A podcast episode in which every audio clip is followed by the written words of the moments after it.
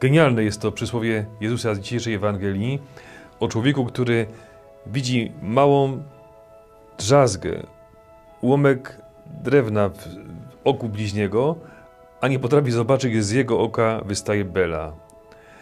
Nie dało się tego bardziej dosadnie i bardziej obrazowo ująć. Jaki mechanizm stoi za tym, że człowiek nieraz jest skłonny piętnować zło bliźniego, a nie widzi go u siebie? Moi drodzy, ktoś powiedział bardzo słusznie. Człowiek, który nie pracuje nad sobą, nie doświadcza tej orki, mm, tego trudu pracy nad, nad sobą samym, jest bardzo skłonny i bardzo łatwo ocenia innych. Jest skłonny do negatywnego, krytycznego oceniania bliźnich. Człowiek, który czuje, że praca nad sobą nieraz idzie jak po grudzie, że jest wielki trud, zmaga się samym sobą, będzie bardzo wyrozumiały wobec bliźniego. Mamy różne pseudonimy, które jako poeta i pisarz przyjmował papież Paweł II Karol Wojtyła. Jasień, Jawień, ale w pewnym momencie przybrał pseudonim Stanisław A. z kropką Gruda. Czytałem kiedyś wypowiedź jednego z krytyków literatury, że to był okres w życiu tego twórcy, przyszłego papieża, kiedy szło mu jak po grudzie. I to się odbiło w jego wierszach. Człowiek, który wi widzi, że praca nad sobą przychodzi z trudnością, nieraz idzie jak po grudzie, żeby stać, żeby pracować nad swoimi słabościami, nad swoimi ułomnościami, wobec bliźniego potrafi okazać wielkie serce i być wyrozumiałym dla jego słabości. Jest jeszcze jedna rzecz. Człowiek, który doświadczył swego upadku i miłosierdzia Pana Boga, staje się człowiekiem miłosierdzia. Jest taka przepiękna powieść należąca do pereł literatury światowej Nędznicy Wiktora Igo, nazwana już nieraz powieścią o Bożym Miłosierdziu. Jean Valjean na skutek różnych obrotów, akcji w jego życiu nagle ląduje na ulicy w Paryżu, staje się takim paryskim rzezimieszkiem, naciągaczem, temu coś ukradnie, od tego coś wyżebrze i pewnego wieczoru puka do drzwi domu biskupa Myrie. Biskup Myrie słynie z wielkiej, naiwnej wręcz dobroci. Siostry, które prowadzą jego dom, nieraz doświadczyły, że ich gospodarz dał się nabrać. Jean Valjean prosi o posiłek, o coś do jedzenia. Biskup nie tylko proponuje mu kolację i to jeszcze daje mu miejsce przy swoim stole, ale proponuje nocleg. Gospodynie łapią się za głowę, bo czują, co się święci. I nie pomyliły się, bo kiedy rano domownicy się budzą, zauważają nie tylko brak tego kłopotliwego przybysza, ale również brak zastawy stołowej z czystego srebra, talerzy, sztućców. Trudno, będą musiały pogodzić się z tym, że znowu ich mienie, y, ilość naczyń w kuchni została uszczuplona, kiedy nagle słyszą burzenie, walenie w drzwi. Otwierają i ich oczom ukazuje się następujący widok.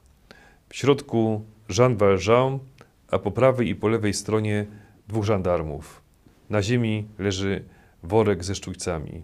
Księże biskupie, złapaliśmy złodzieja. Wygrawerowane inicjały świadczą o tym, że to jest własność księdza biskupa. Teraz ma to oddać, a potem pod sąd i na galery. Biskup patrzy na tego swojego złoczyńcę i mówi, proszę pana, ale przecież oprócz tych talerzy i sztućców dałem panu jeszcze dwa srebrne świeczniki. Dlaczego pan ich nie zabrał? Żandarmi nie wierzą własnym uszom. To jest prawda? Przecież on tak się tłumaczył. On mówił, że ksiądz biskup mu to podarował. Tak, dałem mu to, razem z tymi świecznikami. Może nie do końca wierząc to wszystko, ale trudno. Żandarmi muszą dać za wygraną, odchodzą. Zostaje biskup i Jean Valjean i ma miejsce kluczowa scena dla całej dalszej akcji tej powieści.